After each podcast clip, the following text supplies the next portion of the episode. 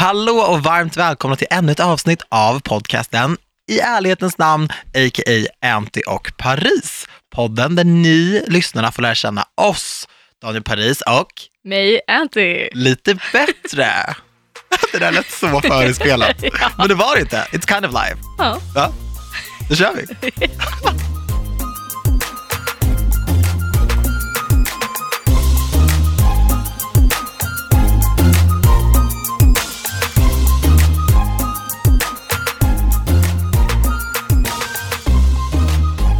Veckans tema är situationer. För den här podden är ju faktiskt menad till att människor som kanske är lite nyfikna på oss eller inte är nyfikna på oss men har trillat in här ändå, ni ska få lära känna oss lite bättre och lite mer. Och ett perfekt sätt att faktiskt se hur folk är, det är ju genom att diskutera olika situationer, vem man är på filmkvällen eller på fest. Ja, men du fattar. Ja. Ja. Men innan vi drar igång så måste vi bara reda ut den här mail-situationen. För att vi har ju bett er mejla oss till en väldigt oklar mailadress. Vi har gjort en ny mailadress, så nu går det att mejla hur mycket ni vill till anti och paris Yes. at hotmail.com. Så att om ni har skickat någon till någon annan mailadress, dra en copy-paste på den och skicka tillbaka. Vi kommer läsa de nya mejlen. Vi kommer läsa nya mejlen. Kör nu. Vi vill veta vad ni tycker, vad ni tänker, om ni har några önskemål. Vi har ju diskuterat en frågepodd också, Ja, det vore kul att göra. eller hur? Ja, så mejla in era frågor. Smattra på. Vi är så taggade. ja. Smattra på. ja, men med frågor. Skjut oss med frågor. Nej men alltså, smattra med tangenterna. Nej, men jag är så taggad på det. Det skulle vara kul liksom. Man vill ju höra. Ja. Men skriv inget taskigt. nej nej. Men ni får ändå skriva lite juicy. Fråga ut oss ändå. Ja, men jag är taggad. Inte bara så här, vad är din favoritfärg? Nej, men för det känns som att man har berättat ganska mycket sånt i sina dagar. Ja, Nu kan vi ändå toucha lite djupare grejer. exakt. Ska djupdyka lite grann. Mm. Ja men ska vi köra igång eller? Ja, det känns att vi tassar kring den här grejen. Det här är ändå ganska, alltså det är nog en ganska djup grej vi ska gå in på. Situationer. Ja. Men vi kör, jag tycker vi kör igång, jag är peppad. Okej. Vi börjar med skolan tycker Ah. jag. Alltså snackar vi grundskolan eller? Ja Liksom? men kanske lite, lite allt möjligt. Ja. Det är en lång period alltså. Men vem var du typ under plugget? Du känns ju som den populära tjejen. Alltså, jag har väl alltid varit, typ, alltså jag har alltid varit en av grabbarna. Mm. eh, ända sedan jag var väldigt liten. Och eh, ja, men varit så här, jag har varit ganska jobbig. Alltså så här, du vet, synts och hörts och skrikit och kastat. Du vet, jag har varit en sån. Ja, det är så. Ja, faktiskt. Hur kommer det sig? Alltså det kommer, alltså jag har ju koncentrationssvårigheter. Mm. Så jag har väldigt, väldigt, väldigt svårt att sitta still och koncentrera mig på en och samma sak. Och börjar någon prata med mig, då är det kört. Då kommer jag att prata.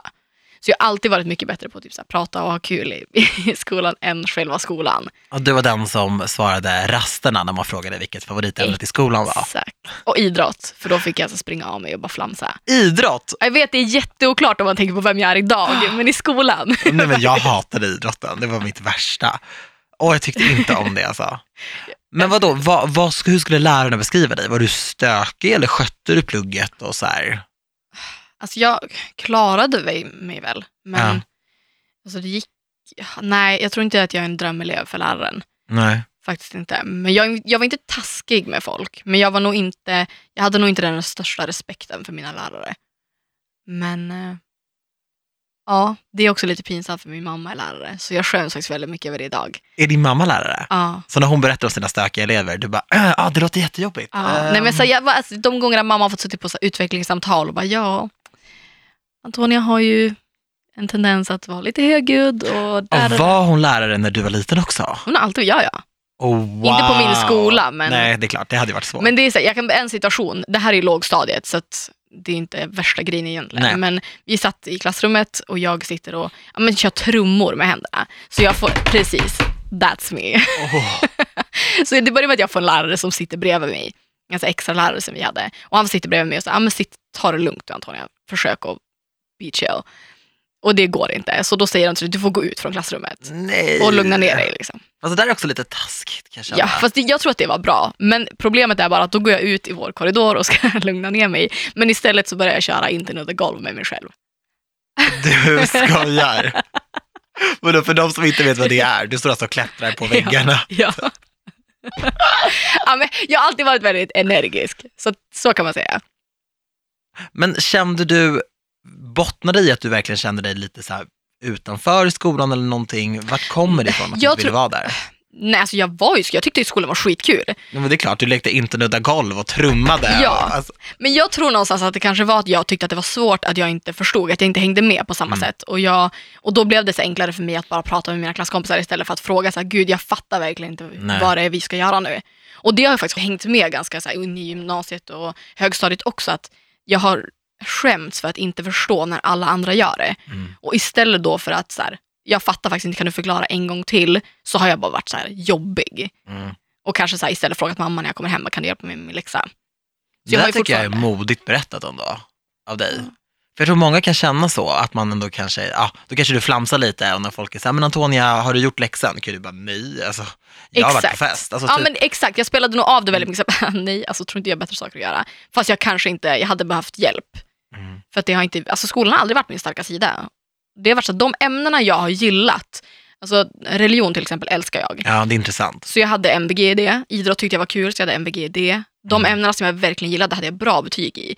Men tyckte jag inte att det var kul, då sket jag i det. För att jag, ja, jag hade säkert kunnat få mycket bättre betyg än jag, än jag hade, men jag var så äh, jag kör hellre vattenkrig med mina klasskompisar. Men är du mycket luststyrd? Att du är så här, det här tycker jag är kul, det här ska jag göra. Är det inte roligt så går det bort. Exakt. Är du så nu också? Ja, absolut. Jag tror att det är mycket där, därför jag är där jag är med mitt jobb, för att jag tycker det är Mm. sjukt kul. Och jag lägger gärna alldeles för många timmar på det per dag. Jag slutar ju aldrig jobba för att jag tycker mitt jobb är kul, för att det är min Exakt. hobby. Så att, tycker jag inte att det är kul, då, då får det vara. Men kan du bli rädd för att bli oinspirerad då och vad det kan få för konsekvenser? Absolut. För Jag man vill måste- inte hamna i en dålig period, typ med sitt jobb. För Nej. då blir man såhär, men okej, men vad, vad är jag utan Ja. det här? Liksom? Nej, det är nog min största nackdel. Att Ja. så här, om jag inte utmanar mig själv, om jag inte tycker att det är kul, då kan jag bli ganska oinspirerad och bara så här, äh, I'm not gonna do it. Men om du kunde nu, för nu är du en vuxen kvinna, Mm. om du kunde ge dig själv råd när du gick i plugget, hade du önskat att du hade typ kanske lagt manken till? Eller så här, Absolut. vågat fråga? Absolut. Jag, jag hade en lärare som jag berättade för att så här, jag, hon förstod mig. Och hon förstod att jag behövde lite extra hjälp och bara den här pushen att faktiskt koncentrera mig. För det var koncentrationen som var Ja. det svåra. Men jag tror det är jättevanligt. Och hon förstod det. Hon, var så här, hon hjälpte mig och på alla hennes, ja, alla hennes klasser så gick det bra. För att hon var, så- hon var så grym, för hon förstod mig verkligen. Ehm, och det här är en lärare som jag är så vän med på Facebook. Jag älskar henne. Ja, Jag tror alla, eller jag hoppas att alla har i alla fall en sån lärare som man faktiskt kunde Ja. öppna upp sig för, som ändå la ner den där extra tiden som lärare egentligen absolut inte har. Mm. Så. Men verkligen så här, ta sig den tiden, för det kan göra stor skillnad. ja. Verkligen. Jag var väldigt ambitiös i skolan, det var jag. Jag pluggade mycket och jag satt på mina läxor på helger och kvällar och så. Jag hade inte så här jättemycket polare, vilket gjorde att det var ganska enkelt för mig att sköta mina studier och lägga ner fulltid på dem, för att det var det jag la min tid på i princip. Men jag hade också lärare som jag kunde prata med lite om andra saker som jag funderade på, och så, som inte hade så mycket med plugget att göra, men det lyssnade ju de på och pushade mig till att ja, så här, satsa på media, du borde gå ett mediegymnasium, nu gjorde jag ju inte det, men just att så här, utveckla andra färdigheter hos mig för att de såg den potentialen. Och det är ändå sånt som jag kan ha med mig nu och bara shit, det där var så viktigt. För tänk om jag inte hade träffat den läraren som gav mig den pushen Mm. och bara du kan, liksom, det här, jag ser någonting i dig. Liksom. Mm. Och det är ändå så sånt man kommer ihåg. Absolut. För min skoltid var inte så här, det var inte, den var inte jättehärlig. Alltså det var det inte. Jag var så här, jag hade inte sett mycket polare så, och sen så kände jag mig ganska utanför generellt. Liksom. Lite att man var på utsidan och tittade in hela tiden. Alltså man hörde om alla fester men jag var aldrig på dem. Jag såg alla de här kompisgängen som hade så kul men jag var liksom aldrig riktigt en del av det. Mm. Så jag var väldigt utanför. Ja. Så det är ändå så här, någonting som ändå har hängt med mig ganska länge. Ja. Och ibland ska jag fortfarande hamna i situationer i vuxen ålder där jag blir så här, nu är jag tio år igen. Alltså du vet, nu är jag mitt tioåriga jag som inte fick vara med eller så här, och det kan trigga saker inom mig, typ, ja men du vet, så här, små grejer typ ibland, om, om det är att så här, ett gäng och gör någonting, typ för att de blev inbjudna till någonting, typ ett event till exempel. Nu bryr jag mig inte så jättemycket längre för nu är jag vuxen, men typ att jag kan typ se en bild och bara så här, ah, gud vad kul de verkar ha. Surt att man inte är bjuden och då kan jag bli så här, "Nå, nu är du bara tio år igen, liksom. det här är så fjantigt. Men det, jag går Fast tillbaka till det där. Det är ju inte det. Jag tror att skolgången och hela sen uppväxt, det hänger med mycket mer än vad man tror. att situationer som man har gått igenom när man var yngre har etsat sig fast mycket mer än vad man tror. Jag tror också det. Att många val man tar och hur- sätt man reagerar på är mycket för hur, vad man har gått igenom. Men jag kan också känna, för att jag brukar alltid säga det, att under den här tiden, det var också då mitt revanschbehov på något Mm. sätt väcktes. Att jag var bara så här, okej, nu är det mörkt, men jag ska visa alla. Liksom. Jag, jag ville bli något stort, liksom. jag vill vara den som verkligen satsade på mina drömmar Ja. och verkligen gjorde någonting annorlunda och, och så. Och Men visste du vad du ville göra när du gick, men säg högstadiet, om vi pausar där en stund. Visste du vad du ville göra när du blev vuxen, när du gick i högstadiet? Det var ju typ min värsta tid. Det var verkligen det. Ja. För det var en sån knepig situation. Alltså bara typ, det fanns inget internet på samma sätt och Sverige och, och så var inte riktigt samma land som det är idag. Det, var, det kändes inte lika blandat till exempel. Folk var inte lika öppna och man hade inte tillgång till internet. Så för mig var det ju så här, jag var typ en av få som var ja, jag visste ju inte 110% att jag var liksom homosexuell då, men jag visste ju att jag kanske gillade båda eller så, du vet så här. Och jag var ju verkligen typ en av två kanske i hela skolan som ens så här var, kanske var gay, kanske inte var gay. Ja, det var väldigt få med utländskt påbrå, så det var ju så här, jag kände mig väldigt utanför av dem. Jag gick in och kände mig väldigt utanför Mm. redan där med Ja. de eh, premisserna eller vad man ska säga. Och sen så man fick, fi- jag fick finnar före alla andra, målbrottet före alla andra. Jag hade sån otur, fast det var inte otur, du fattar vad jag menar. Mm. På papper hade jag bara så mycket emot mig. Och då var jag bara så här, fan, jag känner mig väldigt ensam, men när jag blir vuxen så vill inte jag att någon, jag vill att folk ska hitta representation och en förebild i mig. Ja. Och att ingen ska behöva känna så här, så som jag känner. Men jag visste inte hur jag skulle bli den här personen. Vad sjukt att du visste det så. Men jag visste inte hur. Jag var så här, vill jag bli en forskare eller vill jag bli en skådis eller vill jag bli en, en kändis? Eller så här, jag visste inte hur. Nej. Men jag visste att jag ville, att jag ville förenkla människors liv i vuxen ålder. Wow. Så det växte nog då tror jag. Mm. Men vem var du typ i högstadiet? Där var du ju poppis. Det måste du ha varit. Ja, Det var inte kanske. som mig. Nej, men jag var ju så, jag hade ju ingen aning vad jag ville göra när Nej. jag blev vuxen när jag gick i högstadiet. För Nej. jag var inte bra på någonting. Nej. Alltså jag har aldrig, det här har hängt med mig länge, att jag har aldrig varit bra på någonting. Förutom att vara högljudd och prata och vara jag och vara skön i sociala situationer och typ få kompisar. Så jag satsade mycket på det. Jag var med mina kompisar och hade roligt. Jag tänker tillbaka på min högstadietid och tycker det är, alltså jag har jättebra minnen för jag hade jättemycket kompisar och jättekul. Det har ingenting med skolan att göra i sig utan mer så här, jag hade kul på rasterna. Ja. Men det var ju också för att jag levde i det nöjet för jag visste inte, jag var rädd för gymnasiet för jag visste inte vad jag ville göra. Nej. Jag hade inga framtidsplaner som var så här karriärsbundna. Jag, hade, alltså så här, jag kan inte måla, jag kan inte bli konstnär, jag kan inte skriva, jag kan inte bli författare, jag kan inte... Jag förstår vad jag menar. Nej. Den känslan att inte hitta, alltså för många har ju ett intresse eller en hobby eller någonting som de är bra på. Men jag är ändå bra på fotboll, jag vill bli fotbollsspelare eller jag kan sjunga, jag vill bli artist. Men jag hade inget sånt så då eh, ja, men så var jag bara med så här kompisar. Så jag hade jättemycket ångest när jag skulle välja, eller göra ett gymnasieval. Vad valde du? Jag gick Handels. Ja. Ehm, och eh, ja, alltså det var egentligen inget. Jag baserade mitt gymnasieval på vilken skola jag ville gå på. Mm. Ehm, vilket också återigen, var ska mina kompisar gå? Vad, vilken är den coolaste skolan enligt... Alltså det, det var verkligen så. Men det var mycket så du Ja, tänkte? ja, absolut. Ehm, och då gick jag på den skolan och jag kommer typ inte ihåg så mycket av vad jag har. Alltså min gymnasietid är en helt annan, det, det skulle ta alldeles för lång tid att prata om. Men, men i gymnasiet, så jag hade kul på gymnasiet också, men jag lärde mig fruktansvärt lite. Ja, det är så. Ja. Men var det för att du själv valde då att bara vara en party girl typ? Ja, alltså jag tror att jag hade kanske 60% frånvaro när jag Ja, gick i så. första gymnasiet. Jag, var, jag tänkte hoppa av. Alltså jag var väl, min mamma var så här, bara, men hoppa av, gör det. För att om du inte tänker vara där så spelar då gör det alltså, Ta ett sabbatsår då och sök till en ny linje som känner att du vill gå där. Ehm, och men sen så bestämde jag tillsammans med mamma att ehm, jag går till jullovet. Och sen är jag, alltså första terminen gick jag. Och sen så är jag ledig över jullovet och känner jag fortfarande att jag inte vill vara i skolan när jullovet är slut, då hoppar jag av.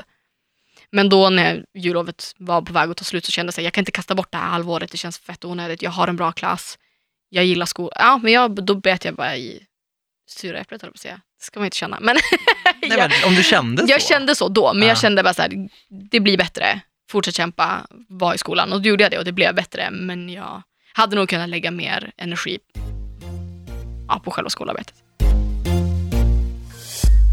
Men jag tycker det här är så intressant, för jag har alltid känt att skolan är för alla. Alltså man Mm. ska plugga, man ska sköta sina studier. Jag tänker att det enda jobbet man har när man är 15, 16, 17, det är liksom att plugga järnet.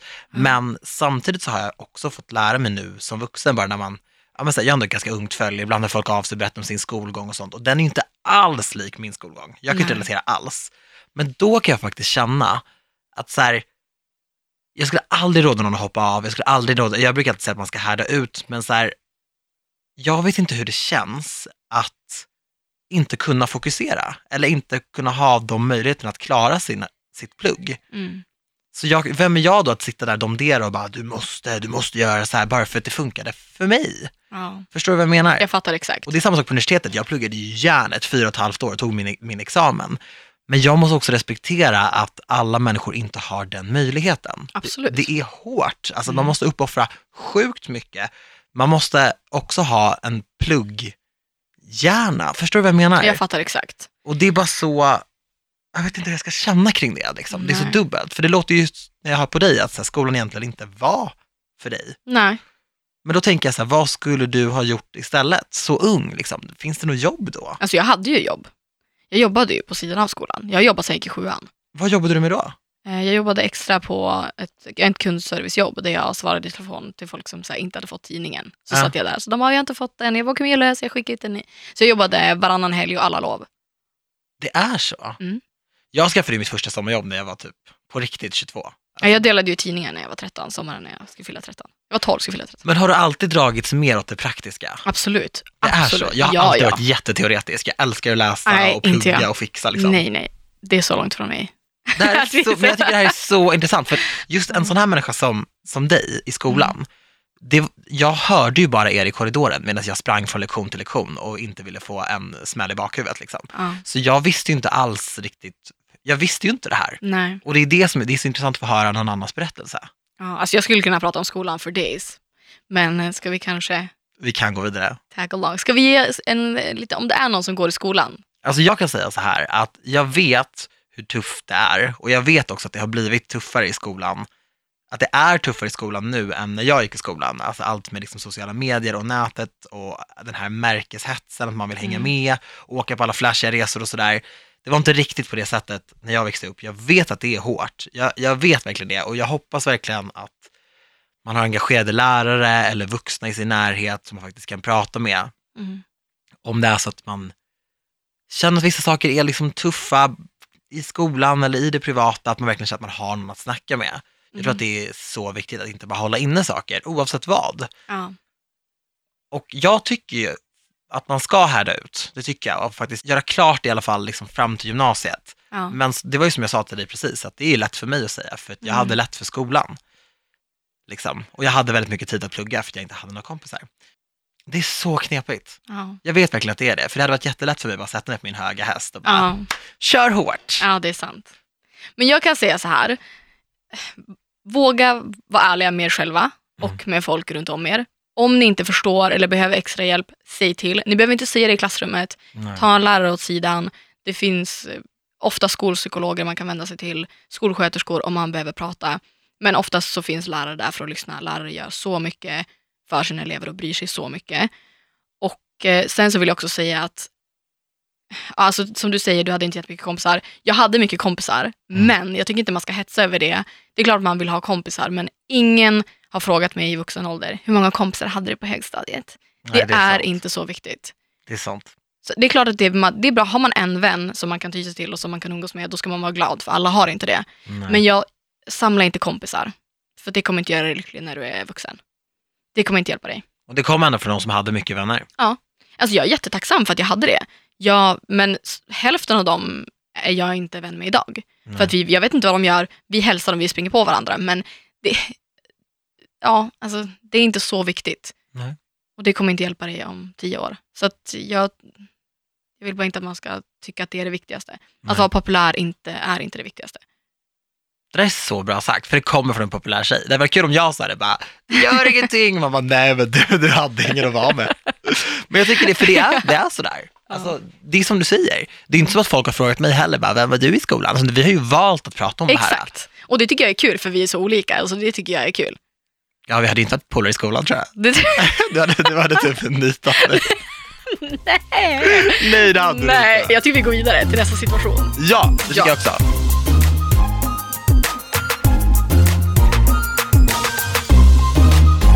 Vilken situation skulle du säga att du är som mest dig själv? Jag Den skulle jag vilja prata om. Ja, jag tror att jag är mest mig själv när jag är med min familj. Mm. När jag umgås med min, när jag säger min familj så menar jag min mamma och mina två systrar. Mm. När jag är med dem så är jag så mycket mig själv jag kan bli. Ni är ju väldigt tajta. Vi är väldigt, väldigt tajta. Och det finns inga människor jag har så kul med som jag har med dem. Men hur gamla är dina systrar? Är ni nära i ålder? Fyra och sex år äldre är de. Ja. Jag är ju bebisen. Ja. Men de är ändå inte så här jättemycket, du är ingen slidis, säger man glad, glidis? Sladdis. Sladdis, slidis, oh my god, I'm so sorry. Nej men du är ingen sladdis. nej, nej, inte riktigt. Nej, alltså även om, jag, även om Signe är sex år äldre än mig så känns det inte som att det är så. När, vi, Sex år är inte så mycket. när jag var yngre så var det såklart så. Så blir det ju. Att när hon var 16 så ville hon kanske inte att hennes 10-åriga lilla syster skulle hänga efter hela tiden, which I did. Du vill, du och jag gick det. ju till mamma och bara, jag får inte vara med. Så fick jag vara med. Ja, men, men nu så är det ju inte så, det känns ju inte som att hon är sex år äldre än mig. Men hur skulle du sätta ord på er relation? Alltså hela, all the ladies, mamma och två syrror. Wow, alltså det, det är mina bästa vänner. Jag Mm. berättar ju allt för dem. Mm. Ehm, Alltså den här grejen att jag gillar ju uppmärksamhet.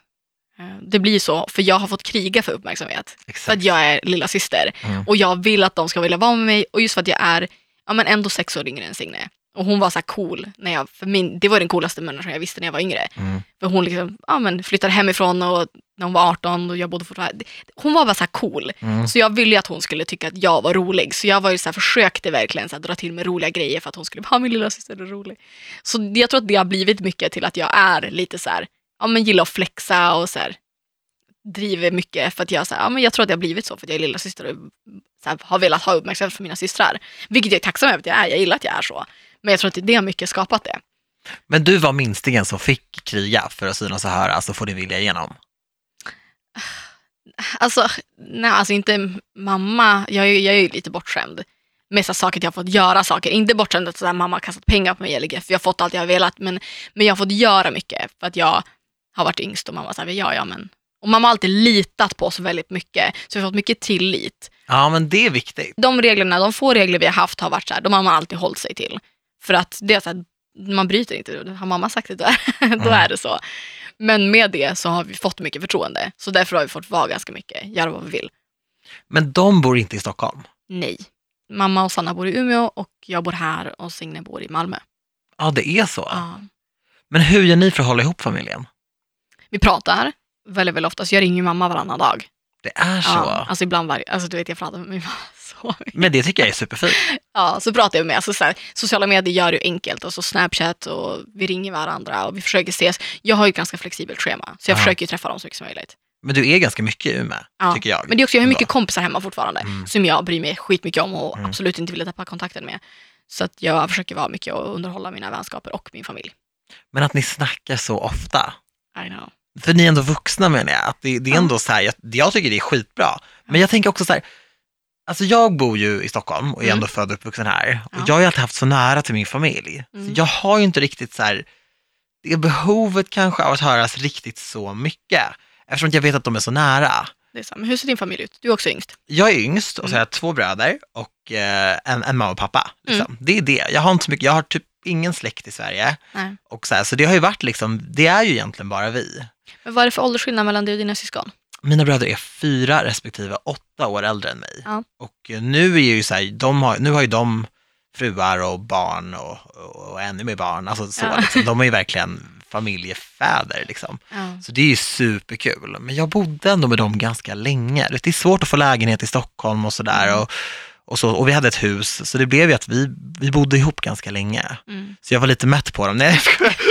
Nej. Nej det var jag inte. Men det, det blev ju liksom att nu, nu har vi olika liv.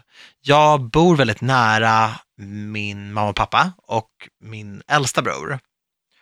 Och så. Men min mellanbror bor lite utanför stan. Han, han vill gärna ha hus och massa kids och nära till en fotbollsplan och sådär. Ja. Och vi andra bor ju i stan. Så. Men, men, Men, men vem jag... är du i din familj? Hur skulle dina bröder beskriva dig? Åh gud. Som att jag alltid varit i min egen lilla värld, tror jag. Ja. Det, det skulle de absolut säga. Men jag var ju också minst. Mm. Och mina bröder var ju väldigt, liksom, de, de hade mycket hobbys, mycket fritidsintressen, de hade massa olika, det var, liksom, det var simning, det var fotboll, det var massa polare, det var liksom skjuts hit och skjuts dit.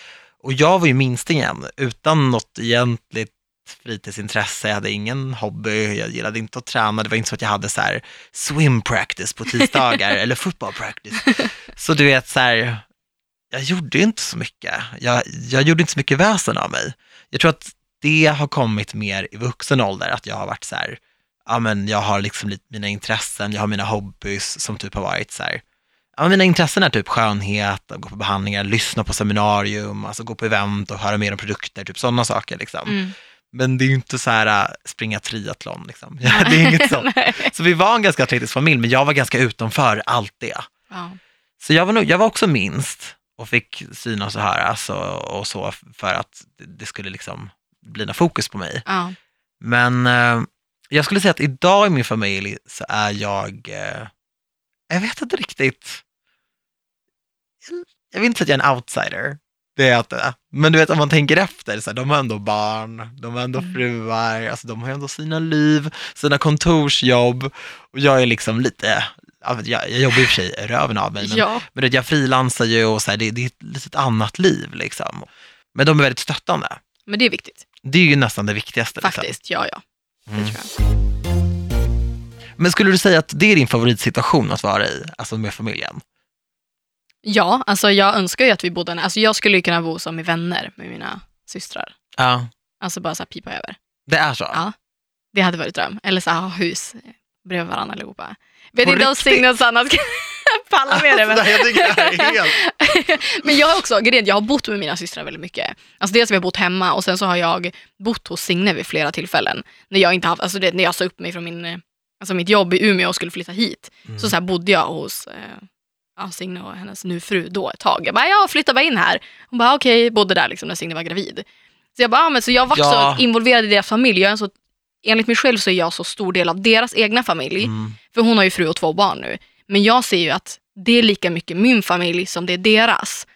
Förstår du vad jag menar? De har ju sin Mm. egna familj. Men jag ser ju mig själv så mycket i den familjen. Mm. Så det är så här, jag tänker bara, men om, jag, om det ska skita sig här så tänker jag så här, jag kan ju flytta hem till och Maja. Men det, kan de, du säkert. Jo, jo, jo, men jag tror alltså, det är inte så att de ska vara, ja, ta hit din shit och flytta hit." Nej, men, men- men jag tänker ju så, det är samma sak med Sanna. Alltså, det är så här, jag ser mig så mycket fortfarande att vi är lika tajta som vi alltid har varit, även om vi har helt olika liv och bor så långt ifrån varandra nu.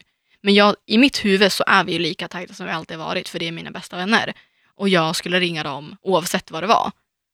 Men då är det ju så. Ja, Då ja, är det ja. ingenting du bara tror. Nej, nej, alltså det är så här, det, ja, nej, jag vet inte, det är bara, det är så det är. Ja, men jag tror också att det är det som är grejen. Alltså för alla familjer tror jag kan se väldigt annorlunda ut. Mm. Och jag tror att det är ingenting som är, alltså varken good or bad. Alltså förstår du lite vad jag menar? Jag tror att man kan bli bombarderad med att en familj ska se ut på ett visst sätt. Ja, Mm, Liksom under samma tak och att allt är så. Men det kan vara minst lika tajt fast man har liksom syskon på olika delar i, i Sverige. ja. Eller I världen. i världen eller liksom så här, även fast man har syskon som har helt andra liv än en själv, typ som mina syskon. ja, Men jag vet ju att de ändå att de faktiskt finns där, det gör jag ju liksom. ja. Men sen är det så här, just nu så har vi så självgående liv att så här, vi kanske inte behöver varandra så mycket just nu. Nej. Men man har ju ändå, Det you will always have family Ja. liksom. Det är det. Och family behöver ju inte heller vara blood. Alltså det kan ju vara så, jag läste någon meme, jag och mina memes, Jag älskar dina memes. att om man har varit vänner längre än sju år, då är man Ja. inte vänner längre, då är man familj. Men sådana vänner har jag ju också, Ja. det är det. Och det är ju verkligen så här, och jag vet ju, det, de vännerna i kombination med eh, den familjen Mm. är liksom, alltså så här, att man ändå är stärkt, man har ett skyddsnät. Exakt. Jag, alltså jag har alltså så här vänner som vars familj jag anser är min familj. Mm, För att man, har så här, man är så nära. mm. Så man behöver inte sitta och känna att man inte har syskon bara för att man inte har biologiska syskon. Det är Alltså familj så fint är sagt. de du, ja, men det som man väljer i sin familj också. Det är verkligen För man så. har familj som, man inte är, som inte är en del av ens familj.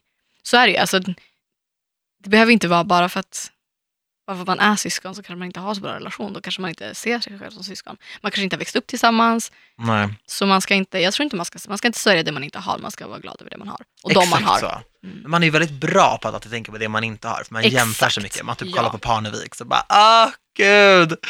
Men det är också så här, ja fast så här, det är väl härligt för dem att de har det så, men man, familj kan se ut på olika sätt. Det där har jag faktiskt pratat med Peg om Ja. och hon säger ju exakt samma sak. Och det tycker jag ändå är så här skönt. ja, men alltså man hade ju inte velat att alla familjer, familjer såg likadana ut. Det hade varit så tråkigt. Oh my god.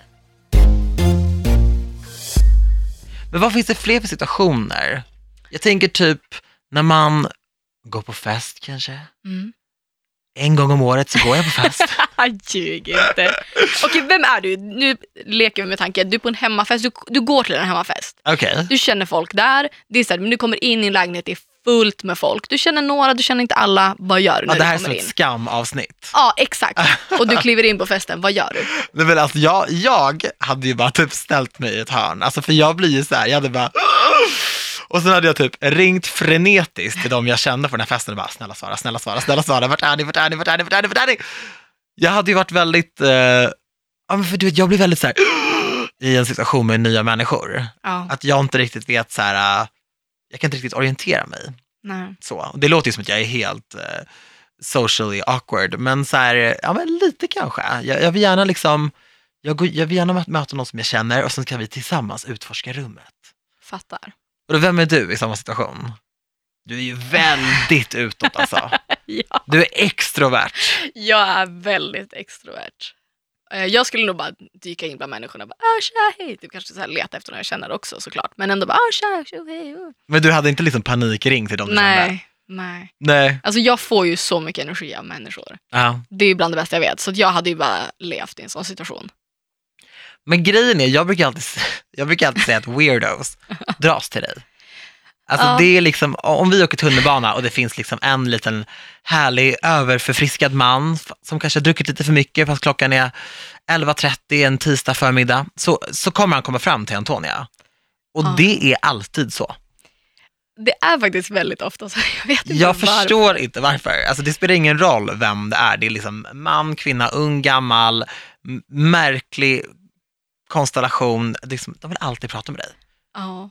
Men jag är ju inte heller, om någon säger hej till mig på tunnelbanan, då, säger, då kollar inte jag ut genom för då säger jag hej tillbaka. Ja, men, det är klart man säger hej, men Fast det är nej, här, det är de, inte klart. Nej, Wow, vet vi bor i. Stockholm, det är inte klart. Alltså, jag kan typ så här, hej, när jag sätter mig på tunnelbanan, då får du arga blickar. Men vadå, sätter du dig på tunnelbanan och säger hej till personen mitt emot dig? Ja, alltså det är så spännande att göra det, för folk reagerar så olika. Vissa blir såhär, hej hej. Alltså den här som man gör i USA, där, så där hälsar du på folk. Det är såhär, Ja. Du pratar med folk i hissen, jag älskar ju det. Ja, Alltså jag vill att den mentaliteten ska finnas här, men det gör den ju inte. Men det, så jag tror att det kanske är det, därför folk fortsätter prata med mig. Men jag vet, jag vet det är också, ja jag vet inte. fast jag tycker att det är fint att ha en inbjudande aura. Alltså jag vill verkligen inte att du ska Ja. se det som att jag är något negativt. Nej, jag bara, alltså- "Gud, alla knäppisar kommer till dig. För jag tycker det är fint att du är sådär. Mm. Att du är väldigt öppen och inbjudande. Men det är bara det att så här, det får aldrig någonsin utnyttjas eller tas fel nej, nej, men alltså jag tänker så här, om någon kommer fram till mig och lever lite sitt egna liv och bara pratar lite grann och jag kan ge folk lite, ja men bara vara social. När någon annan kanske hade bara, usch prata inte med mig. Exakt. Come on, om jag kan göra den personen glad, då är jag jätteglad för det. Mm. För det tar så lite från mig att vara trevlig mot en random. Mm. Så live a little. Nej men du är ju väldigt öppensinnad. Mm. Men jag fattar inte så här, just det här att jag kan vara lite stel. Alltså jag tror ju ofta i situationer, alltså typ att folk typ driver med mig. Alltså det är samma sak typ så här på krogen om någon kommer fram och snackar med mig, bara hej, så här, som jag kanske inte känner, så här, som, som kanske vill prata med mig för att jag har en fin skjorta på mig eller vill ragga på mig, eller bara vad som helst. Alltså då blir jag så här, då typ letar jag efter den dolda kameran. Alltså jag är bara så här, den här personen ska driva med mig, vart är kameran, vart liksom, alltså jag har någon så här inpräntad grej i mitt huvud att alla bara skojar med mig, typ.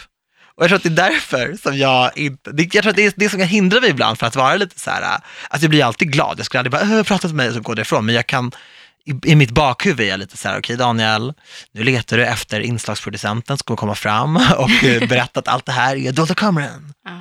Liksom, den lilla tanken. Du tänker ju aldrig så. Nej. Jag fattar inte vart det kommer ifrån. Nej, jag vet inte heller. It's weird. Ja. Men hur är du om det blir en otrevlig situation? Alltså Ja. om någon skulle komma fram till dig på krogen till exempel, eller i vilken situation som helst, och är lite oskön, Ja. vad gör du då? Alltså, förut så var jag verkligen så här, alltså egentligen bara fram till typ kanske ett år sedan, att jag var väldigt så här, äh, att jag alltid försökte rättfärdiga den personens beteende. Alltså om någon kom fram och var så här skitotrevlig mot mig, kunde jag bara vara så här, gud okej, ja jag förstår, eller så här, Mm. alltså nästan jag var så här, jag var kundtjänst och han var en arg kund. Ja. Även fast det kunde vara helt oprovocerat så kunde jag bara vara så här, gud okej jag fattar. Eh, eh. Medan nu så kan jag bara, typ, skulle det hända så skulle jag bara, förlåt, men det där är typ så taskigt sagt. Varför Mm. säger du så till mig? Alltså mer att man förklarar för vissa människor att så här, när du gör så här känner jag så här. Du Mm. får mig att känna så här. Och faktiskt landa i att så här, du gör mig ledsen just nu. Varför då? Så skulle jag aldrig känna typ förut. Nej. Förstår du? För då skulle jag bara säga, okej jag fattar, typ nästan ta på mig skiten Ja. fast det var helt oprovocerad. Och jag har ändå varit i så konstiga situationer, typ om jag typ så här stått med en kompis och någon kommit fram, alltså du vet så här, någon så full man och typ sagt något skittaskigt. Jag bara, hehe, han skojar nog bara, kanske jag säger till min kompis. Ja. Fast det här var en spritt språngande främmande kar som tog sig friheten att vara skittaskig från Ja. ingenstans. Liksom. Att jag bara kände så här, jag har ursäktat folks taskigheter mot mig så länge, Mm. att jag måste sluta göra det. Ja.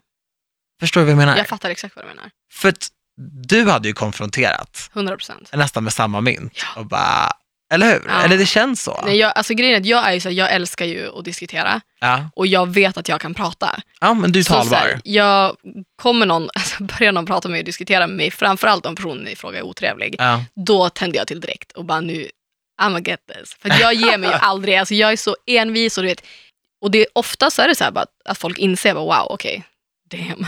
Att man, så här, man ska inte gå in i en diskussion med mig som man inte, och framförallt om folk bara, vill jiddra, då kommer jag säga, jag kommer prata sönder dig. Alltså du kommer inte, du, no chance at all. Och sen ibland, alltså det är inte alltid, men jag vill ju preacha så här, kill them with kindness. Mm. Men samtidigt så är jag en pitbull, alltså jag, I can't. Jo, det är du, men jag menar, jag, du skulle aldrig gå in i en screaming match och börja kalla någon för fula Absolut saker. inte, nej, du knäcker ju folk med argument. Ja. Alltså kommer du ihåg typ i somras när Ja. vi var, vi hade typ eh, varit och firat en kompis tror jag eller någonting. Mhm. Men klockan var inte så mycket. Så vi bara, men typ så här, vi, vi sätter oss på Donken och typ tar en cheeseburgare och snackar lite. Ja. Så satt vi och snackade lite och så var det en kille som bråkade jättemycket med typ sin flickvän eller någonting. Mm. Och såklart så är det fullsatt McDonalds och alla glor ju bara, ingen säger någonting. Mm. Fast den här tjejen är så här uppenbart liksom nedtryckt av den här killen.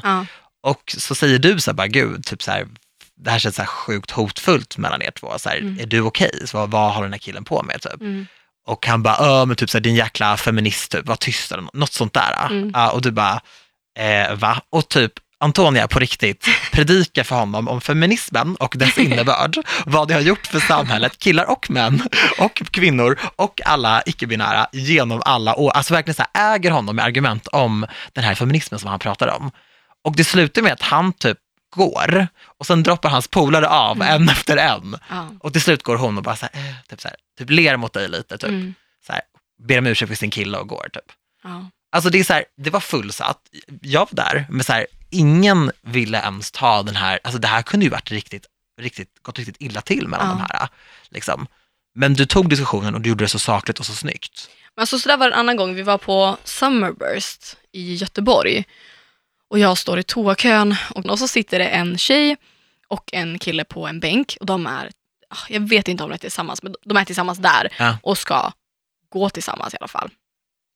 Och eh, han höjer rösten till henne, jag hör inte exakt vad han säger för jag lyssnar inte, jag hör bara att han höjer rösten och så vänder jag mig om och hon sitter och grinar. Och hon Mm. bara, kan du snälla sluta skrika på mig? Han bara, du är värdelös. Då börjar jag lyssna på vad han säger. Men Och han bara, dra bara ifrån, du bara hänger efter mig. Alltså det är helt så otrevlig. Och det är liksom en full kö, alla står och lyssnar och kollar. Och så ingen gör någonting. Och jag står typ längst fram. Så jag så bara, kan någon typ, alltså det är också så- en snubbe som är, han var berusad liksom. Ja, det är klart. Eh, och man ska, man ska ju tänka efter innan man lägger sig i. Men jag, alltså I can't. Så det slutar med att jag går fram och bara, ursäkta men vad gör du? Och han bara, vem fan är du? Jag bara, alltså förlåt men är det här din flickvän? Jag bara, förlåt. Jag bara, när jag sa till henne, jag bara, det här är din pojkvän tycker jag sjukt synd om dig. Jag bara, du beter dig sjukt illa. Han bara, Mm. alltså kom inte och tro att du är... Och det, så här, det slutar med att jag bara sitter och pratar med honom och bara, du, ni är liksom på en festival och hon sitter och gråter och du tycker att det är rätt läge att sitta och skrika på henne. Det är så konstigt. Alltså låt mig, vem är du? Och då, då slutar med att han, han går där, alltså, därifrån och jag sitter kvar med henne och bara, vill du att jag ska ringa någon? Ska vi beställa en taxi till dig? Vill du åka hem? Bara, det är han och mina nycklar. da, da, da." Och bara, men tack för att du sa någonting. da, da, da." Ja, hon var glad. Hon var glad, hon var Ja. jättetacksam. Så då satt jag med henne en stund och sen lugnade hon ner sig lite grann. Jag vet inte, det var kanske något litet tjafs, men bara den grejen, jag tycker inte att det är... Men just det här med att, så här, att våga gå emot, Ja. det är så viktigt. För jag tror alla har varit situationer, en själv också, där man bara känt så här, att ingen säger någonting nu är en sån skam för Ja. mänskligheten. Och det gäller liksom situationer man har varit i, situationer man har typ sett på YouTube, alltså klipp Mm. med folk som har iscensatt bråk, till exempel Stockholm Panda var väldigt duktiga på det ett tag, Ja. och verkligen iscensatte stora bråk på gator, i hissar. Mm. I, I en av hissarna, eh, det var min dåvarande bostadsbyggnad, där det var ett eh, Sluta. bråkande par. Nej, det här var ju över hela världen. Liksom. Ja. Och de bara bråkade och bråkade och bråkade, tryckte upp varandra mot den här hissväggen och ingen sa någonting. Det här var som mina grannar. Och då kände jag bara så här, vart är vi på väg Ja. när vi inte steppar in? Men man måste också understryka där, man ska ju inte ge sig in i situationer där man... Alltså jag har ju steppat in när jag vet att jag inte är bland, alltså jag är inte ensam. Exakt. Att det finns folk där. Man ska inte hoppa in om man står i ett stort bråk och man, där man själv utsätter sig själv för fara. Nej, Då kanske det är bättre att ringa polisen. ringa polisen. Eller, alltså inte heller vara, så här, vara rädd för det. Det är bättre att bara ringa polisen. Man kan vara anonym och bara så här, jag, det är en obekväm situation här, jag tror att det kan bli bråk. Ja. Att ringa så får de kolla läget bara istället för att så här, hoppa in som en hjälte. Jag menar inte att man Nej, ska men göra att det. Men, steppa in är ju att ringa polis. ja, men att störa också i en sån situation är så viktigt. För Ja. att bara att man så här, visar för folk att man ser och hör kan vara så här, oj shit gud, vi är, vad är det vi håller på med? Ja. Bara en sån liten grej kan faktiskt störa och så här, avsluta en hel grej. Mm. Och man vågar man inte det så man kan alltid ringa polisen. De Ja. finns ju där för det. Men det är ofta när det är par, det som chockade mig så mycket på Donken Mm. den gången, det var ju att så här, den här var ju, de här var ju ett par. Ja. Summerburst, det är ett par. Ja. Jag tror att väldigt ofta i giftiga relationer, Mm. hur de än ser ut, det kan vara en vänskap också, Mm. det kan vara vad som helst, det kan vara två föräldrar som bråkar, men när man är ett par, eller en, en, när man känner varandra, Mm. så tror man ofta att så här, det, det sättet att prata på, det kan bli norm. Det kan vara så här de pratar varje kväll runt matbordet. Det kan vara så här de pratar varje gång de går på dejt eller de går ut från lägenheten. Och då att en extern person bara, förlåt, så här, ni står och skriker på varandra i en toakö, alla vi hör er, alla tycker att det här är så märkligt. Mm. Det kan också få dem att haja till och bara, vadå, ska det inte vara så här i en relation? Är det inte så här man pratar? För det blir ju norm. Mm. Det blir ju liksom, den ribban är ju satt i ens huvud. Så här, men så här pratar vi varje kväll.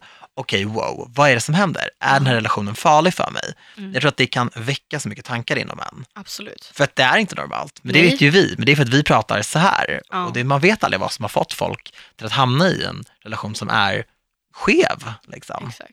Jag tror att det är så bland vänner också, att man har svårt att stå upp för sig själv och inse vad som är vad man tar bara för att det är en kompis och så, här, ja, men det är ett skämt och du vet, så här, vän, vänskap och relationer som egentligen inte, inte ger en tillräckligt mycket energi för att det ska vara värt det. Mm. För jag kan få mejl så att så, jag har vänner men jag vet inte hur jag ska göra slut med den här kompisen. Mm. För jag känner att det är typ ett giftigt, en gift, giftig relation men jag vet inte hur man gör.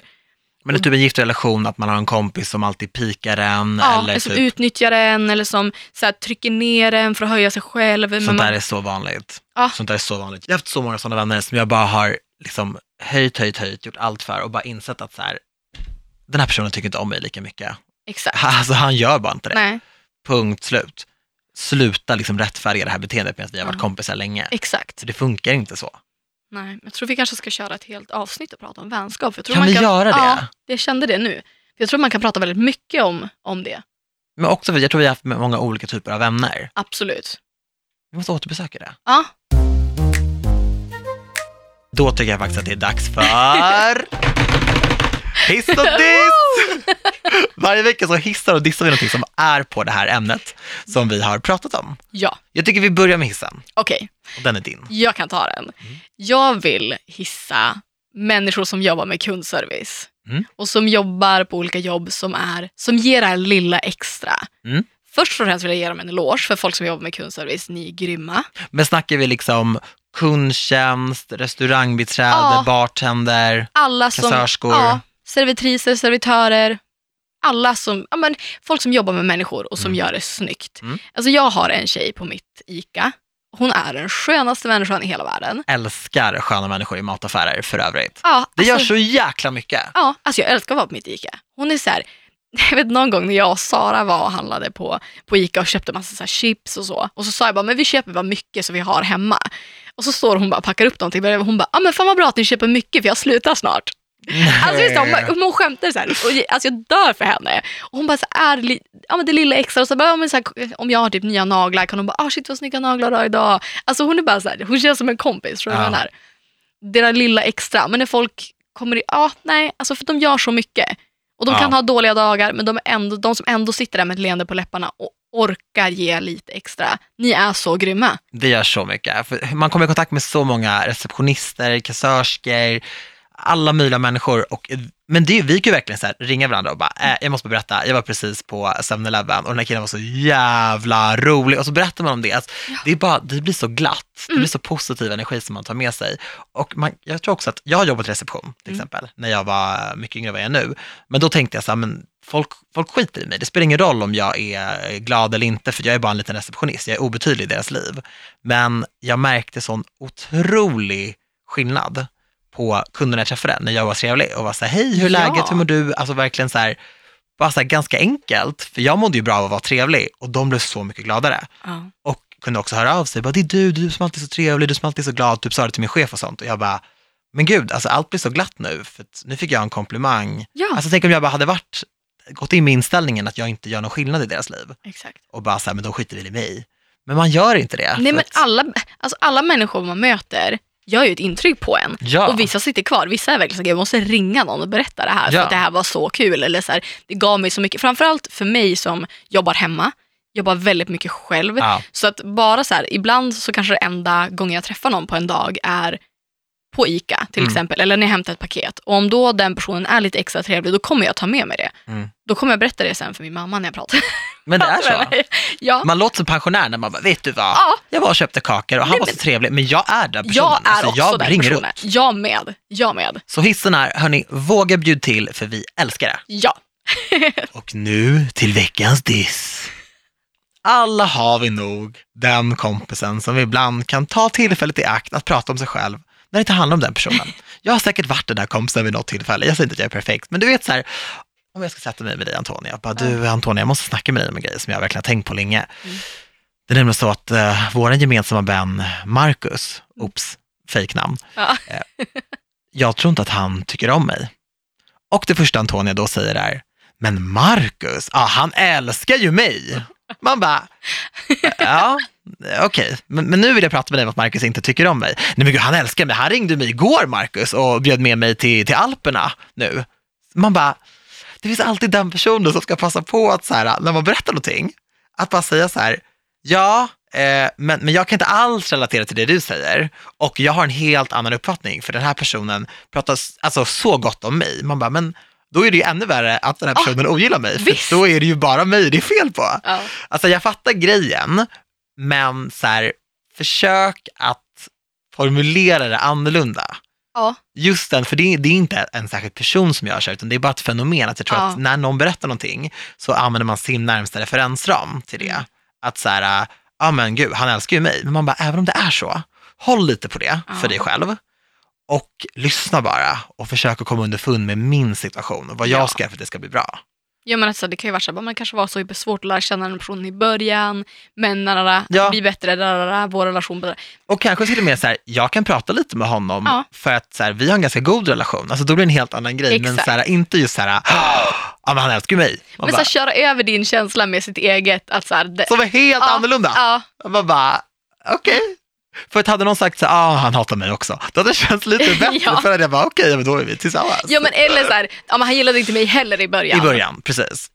Eller bara så här, "Aha, men, ja, han har sagt till mig att han tycker att du är asskön. Ja. Det kan bara en sån liten grej. Ja, men så här, säg saker som kan bidra, bidra till en ökad förståelse, Ja. inte som kommer få mig att känna mig ännu mer höjd i dunklet. Men det är samma sak om jag skulle ringa och bara, men Daniel jag är inte bjuden på det här eventet, det känns skit. Jag är så bjuden, Jag Antonia! är bjuden, jag står på VIP-listan. Alltså det är inte heller, det är inte charmigt. Det är motsvarigheten. Ja. Att så här, typ så här, jag är inte bjuden på hennes 25-årsdag, men gud skojar du? Det, jag är verkligen det. Alltså, jag har varit bjuden jag sedan två år tillbaka. Liksom. Jag har varit bjuden sedan 20-årsdagen. Man bara, ja tack, okej. Så det var, det var den dissen. Hörru, innan vi avslutar så måste vi också nämna vår mail. Vi nämnde ju den i Ja, början. jag tycker vi ska nämna den igen. Okej, vi nämner den igen. Om någon inte lyssnar på början utan börjar lyssna nu menar du? Och tänker så här, varför har de inte svarat på mitt mail? Ja, Vad säger du till dem då Antonia? Då säger jag, vi har en ny mailadress som lyder anti och Paris. Jag vill säga Daniel Paris, men det är bara anti och Paris at hotmail.com. Så skicka ett mail, fyra mail, tio mail. Vi kommer läsa dem, eventuellt upp till podden. Vi vill ha frågor, Mm. synpunkter, något ni gillar, inte gillar. Var gärna snälla. Mm. Konstruktiv kritik. Allt ni känner på att ni har på hjärtat.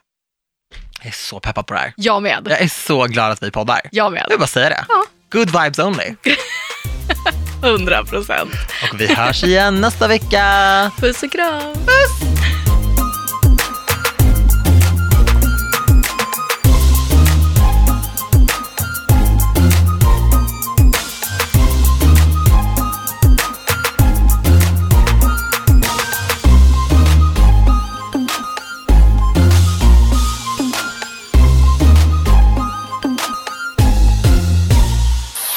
Produceras av I Like Radio. I like radio.